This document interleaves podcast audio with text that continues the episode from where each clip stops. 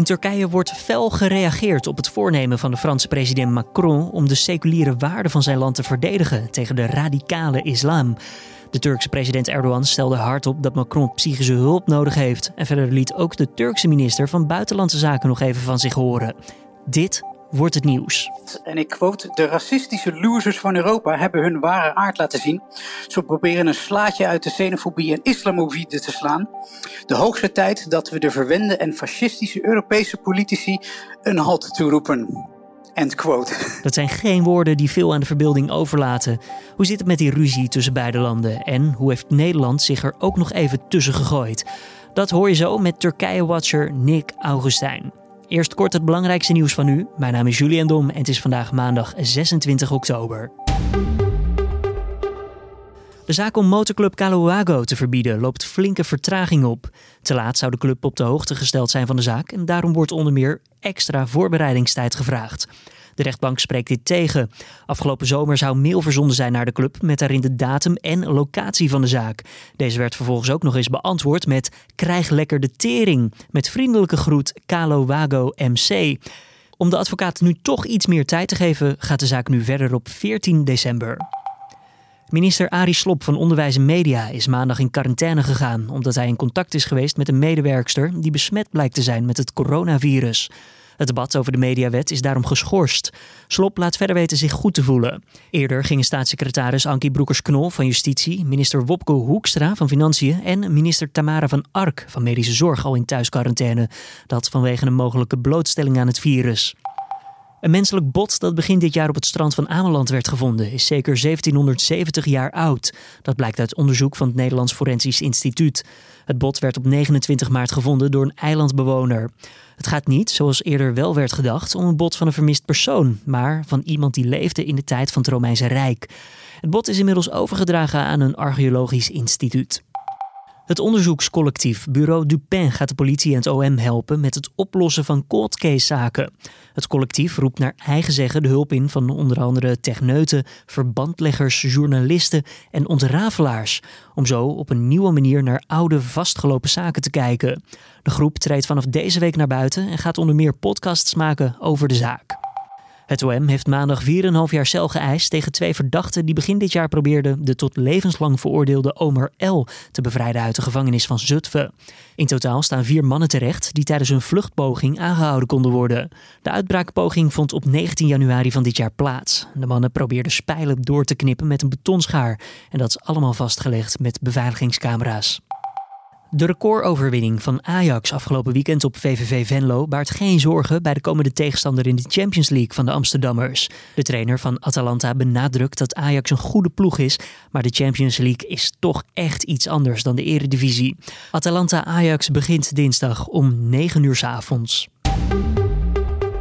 De ruzie tussen Frankrijk en Turkije loopt hoog op. Afgelopen weekend riepen de Fransen nog hun ambassadeur terug uit Ankara. De Turkse president Erdogan leverde in een televisietoespraak kritiek op de Franse president Macron. Wat is Macrons probleem met de islam en moslims? vroeg Erdogan zich hardop af. Hij heeft psychische hulp nodig. En vanochtend pakte de Daily Saba groot uit met weer een uitspraak van de Turkse president. Zowel Macron als de Nederlandse Geert Wilders werden daarin aangehaald. Turkije-watcher Nick Augustijn hangt aan de telefoon. Nick, wat heeft Erdogan nou gezegd? Uh, ja, Erdogan heeft gereageerd op een uh, spotprint van Wilders op Twitter. Die uh, deelde een afbeelding van Erdogan als terrorist. En ja, zoals je weet, cartoons staan weer volop in de spotlight nadat in Frankrijk die, die leraar tragisch genoeg onthoofd werd nadat hij cartoons van de profeet, profeet Mohammed had getoond. En de Franse president Macron zei eerder deze week, of vorige week moet ik zeggen, te zullen vasthouden hè, aan het recht van dergelijke cartoons te delen. Nou ja, de Franse president lag sowieso in de moslimwereld al onder vuur. Hè, die, nadat hij zich eerder deze maand had uitgesproken tegen wat hij de toenemende radicalisering van sommigen in de Franse samenleving noemde. En um, ja, die kreeg een veeg uit de band van Erdogan. Wilde ze ook. Um, Erdogan die moest zich, of Macron moest zich maar laten onderzoeken door een um, psychiater. En Wilders was de, de titel uh, volksvertegenwoordiger niet waard. Want uh, in tegenstelling tot Wilders, ik quote hem nu even Erdogan, keuren wij racisme af en is er in Turkije geen plaats voor fascisme. Opmerkelijke uitspraak.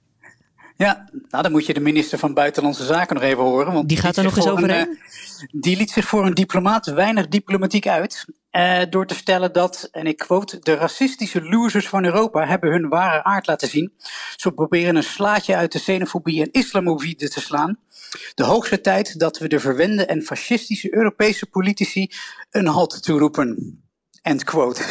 Nou, nou, valt er natuurlijk van alles te zeggen over de rol van deze mannen. Je zit hoog in, in functie, je bent de president van een groot land, Turkije, minister van Buitenlandse Zaken. Kan allemaal niet. Maar aan de andere kant, we moeten ook niet vergeten in welk, uh, welke krant dit naar buiten is gebracht. Hè? De Daily Sabah. Kan je eens vertellen wat voor krant dat nou precies is? Uh, ja, ja, de krant is eigenlijk uh, het meest prominente, of de meest prominente spreekbuis van de regering. Uh, en dat is al een aantal jaar zo, want die krant die kwam in 2008 in handen van een bevriende holding. En dat bedrijf stond toen onder leiding van de schoonzoon van Erdogan, dat, de huidige minister van Financiën, Berat Albayrak. En dat is eigenlijk een beetje illustratief voor het uh, medialandschap in Turkije, waarvan we alle kranten, mediakanalen onderdeel zijn van bevriende bedrijven. En, en daarom in de pas lopen met de regering. Het is ook hier helemaal niet ongebruikelijk om ja, uh, 10 à 15 uh, uh, van dezelfde headlines te zien. Of in ieder geval headlines die zeer op elkaar lijken. Of dat ehm, veel columnisten toevallig ineens over hetzelfde onderwerp hebben in een, eh, in een bepaalde week. Dus eigenlijk wordt zo'n onderwerp gewoon gebruikt als propaganda in de media het is niet echt meer een, een, krant te noemen, een andere krant ook niet. Het zijn toch echt ja, spreekbuizen, propagandakanalen, uh, ja, hoe je het wil noemen. Zijn er ook uh, media vrij van de overheid die hier over schrijven of laten die dit nieuws dan liggen? Nou ja, en, er, is, er is een handjevol. Er zijn twee à drie echt bekende kranten die, uh, die een ander geluid laten horen. En die kiezen dan ook vaak een, een andere insteek. Een meer genuanceerde insteek. Of inderdaad echt een kritische insteek, voor zover dat uh, nog mogelijk is. Alleen dat is uh, niet zonder risico. Hè. meestal leidt dat toe tot, een, tot een adverteerderstop. Dan komt hij allemaal uit een centraal geregeld potje. En uh, als, als er iets in de krant staat wat uh, niet bevalt, ja, dan kan dat orgaan zomaar beslissen dat, uh, dat je even geen geld krijgt. Oftewel, kranten denken wel even twee keer na voordat ze iets op papier zetten. zeker, zeker. Om te overleven. Ja, wat wil Erdogan en nou eigenlijk zijn hele regering nou bereiken met zo'n uitspraak als deze? Want het is, ja, nogmaals, als president van een land, zoiets als dit, bijna ongekend. Um, ja, nou het meest onmiddellijke doel is gewoon net het religieuze vuur van de achterban uh, aanwakkeren. Ik bedoel, die, uh, de, eerste uitspraken van Macron die waren al begin oktober, maar Erdogan geeft nu pas vol gas, omdat deze week in het teken staat van de geboortedag van de profeet. Uh, wat overigens niet betekent dat dat echt een feestdag van betekenis is. Dat is vooral iets wat door de regering gepromoot wordt. En hij gebruikt dat als mooi moment om in te haken dus. Precies, precies. Uh, ja, en daarnaast het uh, populistisch handboek ligt waarschijnlijk op zijn nachtkastje. Want het, hoe hij te werk gaat past natuurlijk gewoon in het recept van de aandacht afleiden van andere problemen. Hè. De economie is in slop, uh, de Turkse lira zit in een nauwelijks tot op koersval. En er is ja, geen verbetering aan de horizon. Nick, wij spreken elkaar vaker over Turkije en dan gaat het ook vaker over die economie. Zien we nou hier gewoon een patroon van Erdogan? Uh, ja, ja, dit is uh, gewoon het bekende akkoord in het gebruikelijke liedje dat de rest van de wereld het op Turkije en Erdogan gemunt heeft. En dat het land geen voorspoed en vooruitgang wordt gegund. En ja, als je, als je dat als ehm, als framework neemt, ja, dan passen daar van, allerlei internationale reacties op. Die kun je dan allemaal bestempelen als, uh, als bewijs daarvan. Uh, de reactie op hoe Turkije in de Middellandse Zee te werk gaat, wat ze in Syrië en Libië hebben gedaan en welke rol ze in, um, in Nagorno-Karabakh aan de zijde van Azerbeidzjan hebben gespeeld. Het lijkt een beetje op Calimero-gedrag, hè? of niet? Ja, en, en hartstikke zonde ook, want Turkije zou eigenlijk gewoon van, van eigen kracht uit uh, moeten gaan. En die, die pitch doet Erdogan soms ook wel. Hè? Die, die zegt eigenlijk van de kaarten worden nu uh, opnieuw geschud. Hè? Er is geen Amerikaanse leiderschap. Dus er is een kans voor ons om een goede uitgangspositie uh, te verschaffen. als daar maar naar gehandeld wordt. En inderdaad, het land heeft zich uh, redelijk straffeloos kunnen roeren. Um, en daar is ook wel vaart bij, want in Ankara realiseert men zich ook dat als uh, Joe Biden verkozen wordt in de Verenigde Staten, dat het speelkwartier wel eens heel snel voorbij kan zijn. Nou heeft iemand anders zich ook nog eens bemoeid met de ruzie tussen Frankrijk en Turkije. En dat is onze eigen premier Mark Rutte. Die heeft zich namelijk op Twitter uitgelaten over deze ja, situatie. Wat, wat kunnen we daaruit opmaken? Wat is zijn rol hierin? Nou ja, allereerst natuurlijk gewoon uh, solidariteit met een Europese regeringsleider, solidariteit met uh, Macron en ook ja, achter zijn boodschap staan, hè, de vrijheid van meningsuiting. Um, en geven ze daar iets om in Turkije? Is, die, is de rol van Rutte, ja, wordt die daar ook groot opgevat?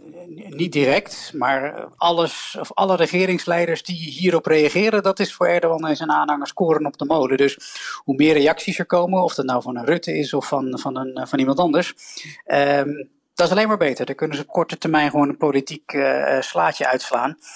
Uh, het betekent niet dat er nu een nationalistische meute voor het consulaat in Istanbul staat, om daar, uh, net als een aantal jaar geleden, met messen in sinaasappelen te steken. Wacht, wacht even, met messen in sinaasappels te steken? Um, ik zit te denken, maar ik heb geen idee. Leg eens uit.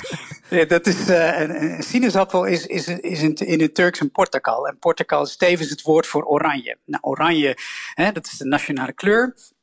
Uh, dus toen uh, men in Turkije heel boos was over de weigering van Nederland om uh, politici in, in ons land campagne te laten voeren, ja, werd er stond er ineens een grote groep voor het consulaat, al dan niet opgetrommeld, met sinaasappels in de hand.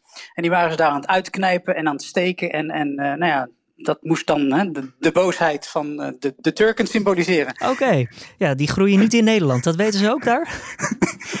dat, uh, ja, ja. Maar goed, ik vond het wel een origineel bruggetje. Ja, nee, zeker. Ja, oranje. um, ja, Nick, dan ga ik met je naar de laatste vraag toe. Anders lopen we misschien wat uit hier in deze podcast. Um, en dat is ja de politieke kloof tussen de EU en Turkije. Die, voor mijn gevoel, wordt die steeds groter en groter. Ja, ja, dat is uh, helder. En, en dat komt eigenlijk doordat uh, men in Turkije gewoon volledig beheerst lijkt door de korte termijn. En, en alleen maar bezig is om dat, uh, dat nationale vuur net genoeg te laten oplaaien tot aan 2023, het nieuwe verkiezingsjaar. Maar ja, dan moet je je ook afvragen van uh, hoeveel bruggen er op, uh, in dat vuur opgaan tot die tijd. Uh, nu heb je bijvoorbeeld te maken met een Franse ambassadeur die is teruggeroepen.